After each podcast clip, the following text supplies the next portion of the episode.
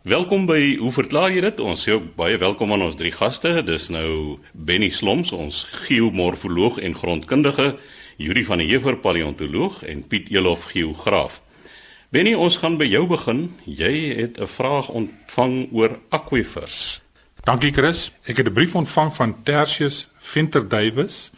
Klink vir my asof hy afgetree is en hy hou van toer. Hy sê hy hou graag vakansie in die Karoo, Weskus en Namibië. En hy het vanoggend 'n vraag oor aquifers. Soos hy verstaan, bestaan dit al duisende jare en uh die goed word aangevul deur reënwater en ons as mens onttrek hierdie water. Is dit korrek om te sê dat aquifers oerwater is? Dis sy eerste vraag. Hy sê hoe oud moet iets wees voor dit oer is? En dan wil hy ook weet daar is organiese materiaal in die water minerale en soutte en uitskeidings van swemgediertes, larwes ensovoorts. Onthou dit is wat Tertius skryf hierso. Hy sê ons kan tog aanneem dat van die organiese materiaal indien dit so oud is, hoekom is die water nie vrot nie? Hoekom ontbind hierdie organiese materiaal nie? So sake nou staan, drink ons almal heerlik aan van enige fonteinwater of boorgatwater en dit is soet. En uh, hy sê die hou vermoë van die water is ook goed. So hier's 'n hele klompie vrae Tersius wat jy gevra het en uh kom ons begin heel eerste by die akwiferwater waarvan jy praat.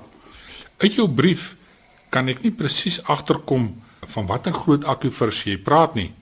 Waar het jy hierdie waterbronne teëgekom? Kom ons neem aan dat dit Namibië is want dit is tog 'n land waar ons almal graag gaan toer. Nou definisie van 'n akwifer is 'n uh, dis 'n ondergrondse laag van permeable gesteentes of ongekonsolideerde materiaal, dis goed so sand en grys wat grondwater bevat. Nou hierdie vorm van water kom algemeen wêreldwyd voor en is 'n belangrike waterbron vir baie mense. Dink byvoorbeeld aan die Sahara woestyn waar die mense eintlik uitsluitlik aangewese is op hierdie ondergrondse waterbronne. Nou op jou reise in Namibië sou jy seker so 'n verskynsel waargeneem het net noord van Henties Bay. Henties lê so 77 km noord van Swakopmund en in die woestyn, nie ver van die see af nie, sal jy sien daar is 'n netwerk van kragdrade wat lei na 'n hele reeks van boorgate wat daar in hierdie ongekonsolideerde sande, ou duine gesink is. En water word daar onttrek vanuit die sande en dit word gepomp na Swakopmund en dan na die Rossing uraanmyn. Nou hierdie is 'n vorm van 'n akwifer. Dit is water wat in daardie diep sande vasgevang is en aanvulling vind tog plaas van riviere wat van tyd tot tyd afkom van die hoogland van Namibië en dan wat in hierdie sande insypel. Die Umururu rivier is 'n baie goeie voorbeeld van so 'n rivier. Hy kom nie elke jaar af nie, maar van tyd tot tyd is daar tog 'n klomp water wat afkom en hulle het 'n damwal gegooi in die loop van die Omororo rivier sodat daai water nie meer deesdae die oseaan bereik nie, maar wegsak in die sand om hierdie akwifer aan te vul. Nou in die noordoostelike gedeelte van Namibië kom daar ook volop grondwater voor, maar dit kom voor in die Dolomiete. Nou tegnies is die ondergrondse water daar nie vanaf 'n akwifer nie. Nou die Dolomiete van die noordoostelike deel van Namibië is deel van 'n groot karstgebied wat daar voorkom. Karst bestaan hoofsaaklik uit kalsium en magnesiumkarbonaat gesteentes en hierdie gesteentes word deur ondergrondse water opgelos. Jy kry die vorming van holtes, van grotte, van skeure, nate ensovoorts. Maar hierdie waterbron word tog gereeld aangevul deur reënwater as ook riviere en daar word gereken, gespekuleer dat 'n groot hoeveelheid van die ondergrondse water daar in die noordooste van Namibië word aangevul deur die Okavango rivier en die Okavango delta. So mens kan op sê dis 'n onbeperkte bron van aanvulling wat op 'n gereelde basis plaasvind. Nou daardie water is hard. Wat ons daarmee bedoel is dat dit volop kalsium, magnesium, karbonate in die water self Mens kom dit agter as jy gaan bad, gaan was, dat seep skuim moeilik in hierdie harde water en uh, eintlik skif die seep as jy was met daardie water.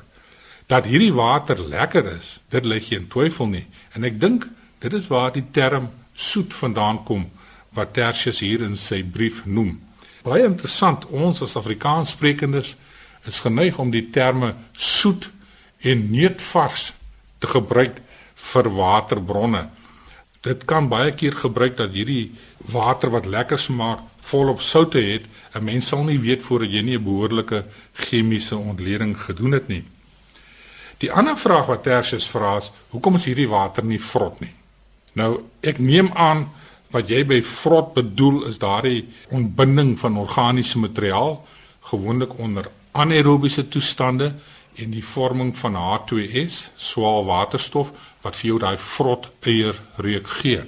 Ons almal ken daardie reuk en dit kom voor in sommige boorgate, maar dit is nie noodwendig organiese materiaal wat ontbind nie. Nou Tertius in die akwifer daar teen die kus van Namibië en selfs hierdie groot karsgebied in die noordooste het nie groot hoeveelhede organiese materiaal in die water nie. So daar is nie 'n bron wat kan ontbind in die afwesigheid van suurstof of in die aanwesigheid van suurstof om vir jou vrot water te gee nie. Die waterkwaliteit is goed. Die soutte wat daarin is, is, is karbonate wat nie 'n groot probleem is vir besproeiing nie. En as 'n mens ry daar van Ottawia af op pad Tsumeb toe, dan sien jy die groot landerye waar die Namibiërs mielies produseer onder spulpunte. Hulle sit ook daar met diep rooi gronde wat natuurlik afkomstig is van hierdie uh, gesteentes. Hierdie karsgesteentes gee vir ons daardie diep rooi materiale. So vrot is daardie water nie. Swaar waterstof kan 'n mens kry indien uh, esterperiet teenwoordig is, maar nie altyd nie. Normaalweg is dit maar organiese materiaal wat vir jou hierdie vrot reuk gee in die water. 'n Ander vraagie wat jy vra, hoe oud kan sulke waters wees? Nou, kom ons kyk na akwifers. Ek het so 'n bietjie gaan naslaan en die ouderdom van hierdie water, hy kan of beperk of onbeperk wees, bedoelende dat die water afgeknot is deur een of ander gesteente laag waar jy eens moet deurboor om daarin te kom of hy kan van bo af in 'n diep sand voorkom waar jy maklik kan bykom. In North Carolina is ouderdomme van 400 tot 30000 jaar gevind van hierdie oerwaters. In Saudi-Arabië is die oerwater, hierdie akwiferwater 25000 jaar oud. So 'n gemiddeld Tersius so tussen 10000 en 30000 jaar is die gemiddelde ouderdom van hierdie oerwaters. So dit is baie oud.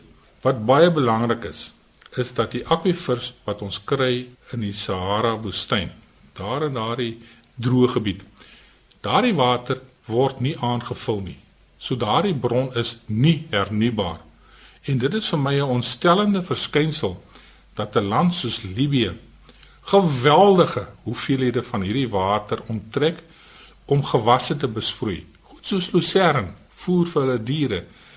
En ek wil nie weet hoeveel kubieke meter water per hektaar moet hulle daar neersit om lucerne te produseer nie. Dit sal seker sekerlik in die orde van 12000 kubieke meter water per hektaar wees. En dit vir lucerneproduksie, dit maak vir my nie sin nie. Daardie water is 'n kosbare bron wat vorentoe baie meer ekonomies ontwikkel kan word wat nodig gaan wees vir die toekomstige geslagte. Mens moet eintlik mooi omsien na sulke water en nie oor onttrek nie. Die ouderdom van daardie waters word bepaal deur 'n uh, eh, koolstof 14 daterings. Hulle gebruik ook die CFK konsentrasies van die water. CFK is die kloorfloor koolstofgasse wat in die atmosfeer is tydens die water wat aangevul word destyds tot hierdie akwifer. Daar kan wel soutte ook wees in hierdie akwifer. Dit sal afhang van die uh, water wat geberg is, waaroor het die water geloop en natuurlik ook die die die omringende gesteentes se soutgehalte. So Tertius ek het 'n baie lang storie hier teen die Weskus van Suid-Afrika in die Sandveld en selfs hier op die Kaapse vlakte sit ons ook met twee baie bekende akwifers, maar hulle word op 'n jaarlikse basis aangevul deur die winterreëns wat hier voorkom. Miskien kan jy vir ons weer 'n briefie deurgooi en presies sê waar hierdie akwifer is waaroor jy nou navraag gedoen het. Benny, ek het al deursigtige kwartskristalle gesien met water of 'n vloeistof binne-in. Is dit ook ou water of nie? Maar Yuri, ek het dit nog nie gesien nie, maar indien so iets binne 'n kwartskristal voorkom, dan sal hy baie baie oud wees as 'n mens dink hoe lank vat so 'n kristallisasieproses van silika vanuit water om vir jou daardie heksogonale kristal te gee. Ek sal vir jou nie kan sê hoe presies hoe oud hy is nie, maar wat ek wel vir jou kan sê, indien hy in die kristal voorkom, dan moet hy baie baie oud wees. Ben nie net uh, iets anders onwillekeurig het ek teruggedink aan die afgelope jaar waar ons ons bevind het in die Karoo by plase waar ons redelik spartaans gebly het en die water wat beskikbaar was was uit 'n watertank wat deur water wat op die dak val wanneer dit daar val aangevul word. Nou hierdie organiese materiaal en hierdie afskeidings, uitskeidings goed, die is sekerlik op die dakke ook van die plaashuise en daardie goed beland verseker in daardie tank. Daai water proe redelik soet. Ek wonder nou hoekom. Piet, uh, soos jy weet, is suiwer gedistilleerde water dit geen smaak nie. Hy's totaal neutraal. Mense sê die water proe laf. So wat water ietwat van 'n smaak gee, sal die opgeloste soutte wees. Nou ehm um, hierdie uh, dakresidu wat in die tank beland, Piet, ehm um, ek twyfel of dit soet is, maar wat wel 'n probleem is in so 'n situasie, as daar nie 'n deksel op die tank is nie, dan val die oorsake van die dakresidu beland baie keer binne in die tank en dan het jy groot moeilikheid. Benny nou het ek al gehoor by 'n swaar van my waar hulle ook aanvanklik van daardie waterstelsel gebruik gemaak het dat jy net 'n sekere hoeveelheid van 'n bekende blykmiddel, ek kan nou nie die handelsnaam sê nie, maar dit is 3 letters, dat jy net gereeld so 'n bietjie daarvan ingooi en dan is daar die residu waarvan jy melding maak, geen probleem nie. Natuurlik, Chris. Dis hipokloriet wat ons daar ingooi, kloor en dit steriliseer die water. Nee, verseker, dit sal werk soos 'n droom. En so gesels Benny Sloms, ons geomorfoloog en grondkundige, Piet Elof, ons geograaf. En Piet, jy het 'n vraag ontvang van 'n luisteraar wat meer wil weet oor die kanteling van die aarde. Ja, Chris, uh, Pieter Besuidnout van Klerksdorp het 'n kort briefie geskryf en 'n sketsie wat vir ons deurgegee. Hy sê net 'n kort vraagie is dat hoe is dit dat die aarde nie verder as 23.5 grade kantel twee keer per jaar nie? Wat 'n soort kragte vind plaas dat die nie heeltemal omkantel nie? Dit gebeur tussen 21 Junie en 21 Desember elke jaar. Nou Pieter, ek wil eintlik 'n bietjie eers net aandag gee hier aan jou skets wat jy vir my deurgegee het.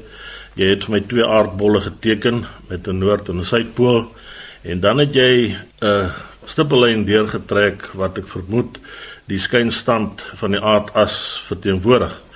Nou in die een skets is hy aan die noorde kant is hy aan die ooste kant van noord en in die ander skets is hy aan die weste kant van noord. Nou wat my aanbetref, erns is daar 'n klein denkfoutjie of interpretasiefout en ek wil amper soos die soos die Engelse sê let's go back to the drawing board. En ek wil vir jou vra om weer 'n skets te maak. Hierdie keer sit jy die son in die middel en jy sit noord van die son sit jy 'n aardbol en suid van die son sit jy 'n aardbol. En wes en oos van die son sit jy aardbol. Met ander woorde vier aardbolle rondom die son. Maar ek dink die belangrike ding is nou dat die skynstand van die aardas moet elke keer in dieselfde rigting wees. Met ander woorde, die noorde deel moet oos van noord wees in al vier gevalle. Die implikasie daarvan is dan natuurlik dat op 22-23 Desember is die loodregte sonstrale 23,5 grade suid van die ewenaar op ons steenboks keerkring. Nou, op daardie stadium beteken dit dat die suidelike halfrond langer dae het en korter nagte. Nou langer die dag is, hoe meer sonlig ontvang ons en hoe meer hitte ontvang ons en daarom is die suidelike halfrond dan somer. Nou die teenoorgestelde dan natuurlik in die noordelike halfrond, dit hulle korter dae en langer nagte en daarom is Desember maand hulle wintermaande. As ons dan kyk op 21 22 Junie, Dan het die loodregte sonstrale noord geskuif tot 23.5 grade noord. Ons praat van die kreefskeerkring. Dan het die noordelike halfrond weer langer dae en korter nagte. Hulle somer, ons winter. Dan die aardbol wat jy noord het in suid van die son in 2021 Maart, dan val die loodregte sonstrale op die ewenaar. En dan is die dag en nag ewe lank en so ook in die geval van 22 23 September. In in daai twee gevalle praat ons van die dag en nag eweninge. Dan is die dag en nag ewe lank. Ek dink die kruks van die vraag wat jy vra lê daarin dat uh, ons moet onthou dat die skynstand van die aardas, ek wil amper sê hy is ewig duur, ewewydig. In ander woorde, elke keer moet hy na dieselfde kant toe kantel, anders as jou skets wat jy vir ons deurgegee het.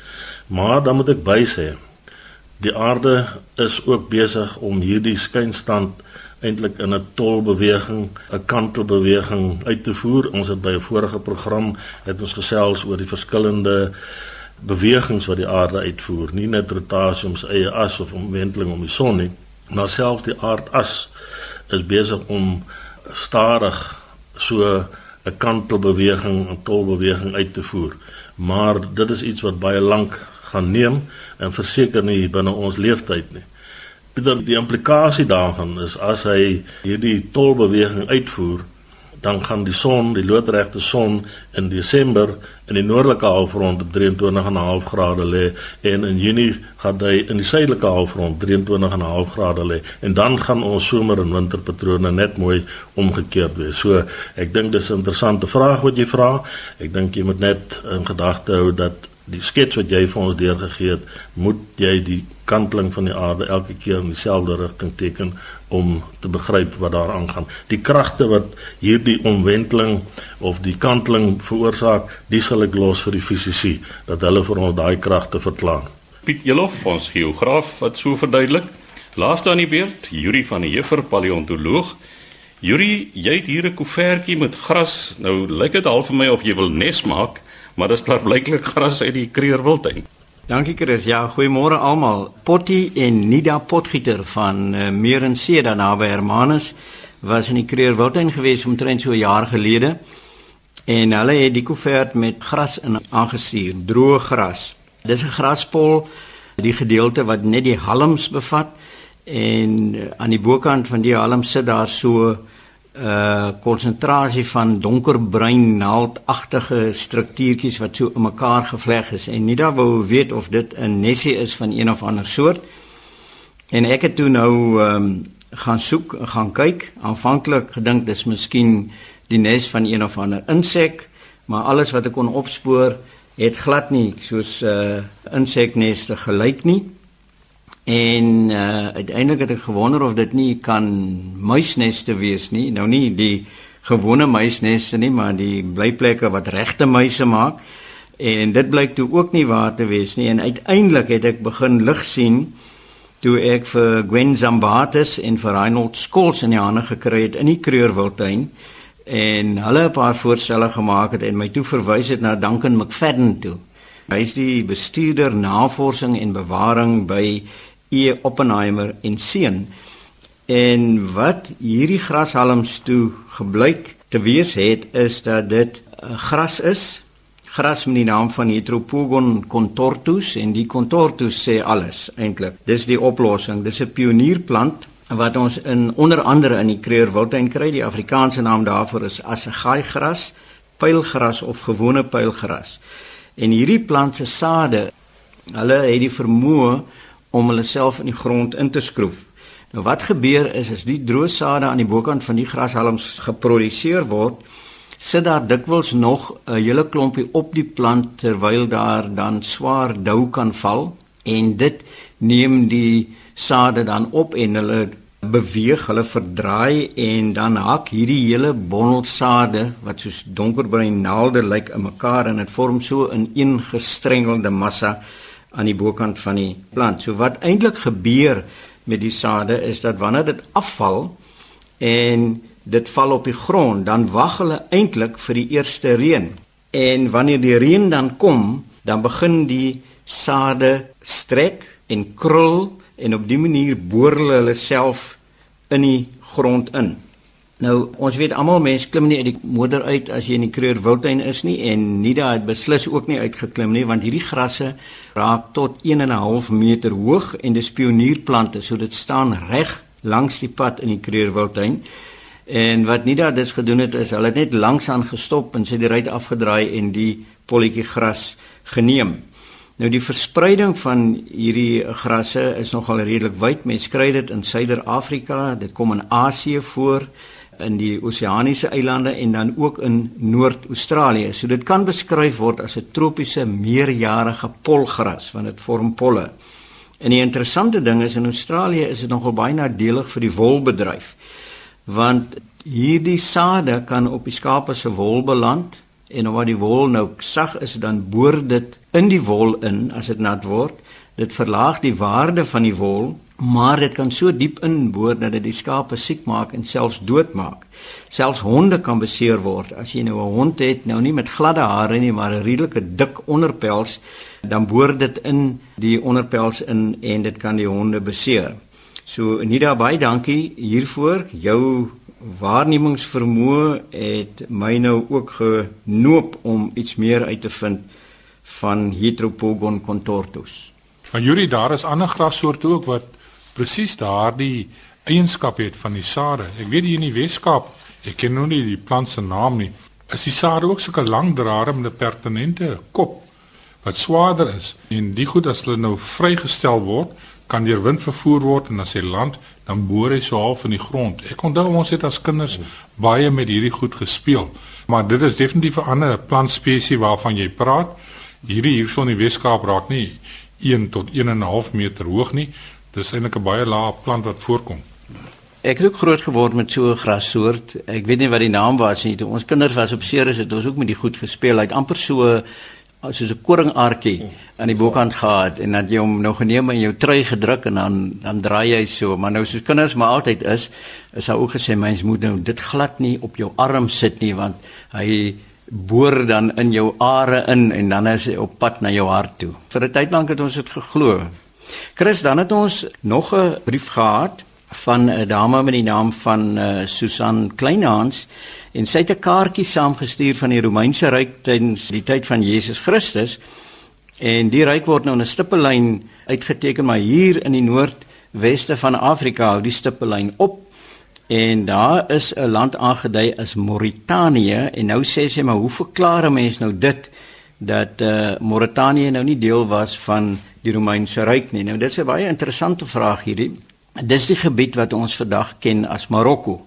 En Marokko word begrens aan die noorde kant deur die Middellandse See, aan die weste kant deur die Atlantiese Oseaan, aan die ooste en die suide kant deur Algerië en dan heel suid is daar 'n stukkie wat 'n grens het met Wes-Sahara. Die hoofstad is Rabat wat miskien vir ons nie so bekend is nie. Die ander twee stede wat wel baie bekend is in Marokko is Casablanca en Marrakesh. Casablanca veral vir mense wat baie hou van Hollywood rolprente. Dit was ook die naam van die baie beroemde 1942 rolprent met Humphrey Bogart en Ingrid Bergman in. En vir mense wat nou werklik belangstel in uh, nuttelose inligting, is daar 'n sê ding uit die fliek uit wat uh, dikwels gebruik word. Dit weet uh, play it again Sam. En die fundies wat nou in al hierdie onnodige inligting ingaan sê, maar dit is nou nie wat in die fliek gesê is nie dit is 'n verkeerde aanhaling. So as 'n mens kyk na uh, lyste van aanhalings op die internet en wat mense waar gesê, dan kom die ding altyd na vore. Die ander stad, Marrakesh, is interessant uit 'n paleontologiese sin want daar kom baie fossiele voor in Marrakesh en die inwoners het nou agtergekom dat die goed waarde het.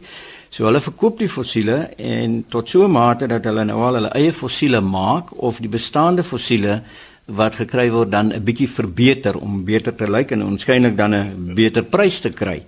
Nou dit is baie mooi aangeteken in 'n artikel deur Stephen Jay Gould, die baie bekende nou gestorwe eh, Noord-Amerikaanse paleontoloog Stephen Jay Gould 'n artikel getiteld The Lying Stones of Marrakesh. Nou ons moet nou eers hier 'n korreksie aanbring Susan. Die spelling van Mauritanië op die kaart wat jy aangestuur het is nie korrek nie, want die land wat ons nou ken as Mauritanië lê verder suid in Afrika en dit lê tussen Wes-Sahara, Senegal, Mali en Algerië. Die gebied waarvan ons nou praat in die tyd van Jesus het bekend gestaan as Mauritanië met 'n i. En dit is 'n baie interessante plek want voor die Romeinse tyd het prehistoriese mense daar gebly. Fondse is gemaak van hulle klipwerktuie, daar's potskerwe gekry van 'n redelike ongesofistikeerde soort pot wat hulle gemaak het.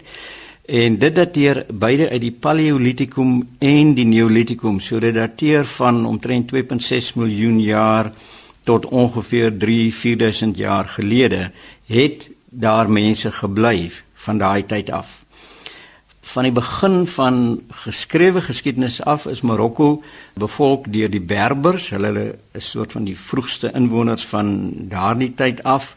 Berbers is 'n interessante groepe mense want hulle het nooit 'n nasie gevorm nie. Hulle het altyd sulke geïsoleerde kulturele stamme gehad en hulle het ook plus minus 300 verskillende dialekte van hulle taal wat hulle praat. Hulle was landbouers soos die res van Noord-Afrika gewees, maar nooit 'n nasie gevorm nie. Hulle was altyd groepe binne die gebied van ander nasies. Hulle was altyd kultureel afsonderlik geweest en teen omtrent 10000 voor Christus het die Venesiërs daar aangekom en 'n handelspos gestig en hulle het kennis gebring van die wingerdstok en van die kuns om metaal te verwerk. In die eerste eeu na Christus, toe kom die Romeine daaraan wat dit beset het en hulle het toe vir hulle die voordeel van besproeiing gebring. Na dit is dit geregeer deur Rome en Kartago. Rome en Kartago het daai geweldige stryd gehad oor baie jare tot Kartago uiteindelik totaal vernietig is omtrent in die jaar 682 na Christus anno domini AD het daar Mohammedaanse Arabiere aangekom onder bevel van die kaliefs van Damaskus. Hulle het dit oorgeneem en in 'n meer resente geskiedenis het die Turke dit binnegeval, dis later oorgeneem deur die Franse en uiteindelik in 1956 het dit onafhanklikheid gekry. So wat die kaart betref wat jy gestuur het is die woord Mauritanië is nie reg nie. Ek het ander kaarte gesien waar dit aangedui word nie as deel van die Romeinse ryk nie, maar as 'n provinsie van die Romeinse ryk. Dit is ook bekend dat tydens die Romeinse tyd het hulle 'n koning gehad in uh, Marokko, koning Juba die 2de. Hy was getroud met 'n dogter van Kleopatra en die huwelik is bewerkstellig deur keiser Augustinus van Rome. So daar was altyd 'n verhouding met Rome gewees, maar dit lyk vir my die rede hoekom jy nie daai lyn van die Romeinse ryk reg om Marokko kry nie is omdat hulle altyd 'n sekere mate van onafhanklikheid gehad het en as 'n provinsie bestaan het. So sê Juri van der Heever, ons paleontoloog, daar in die tyd ons ook ingehaal. Skryf gerus aan ons by hoe verklaar jy dit posbus 2551 Kaapstad 8000 of stuur 'n e-pos aan chris@rsg.co.za.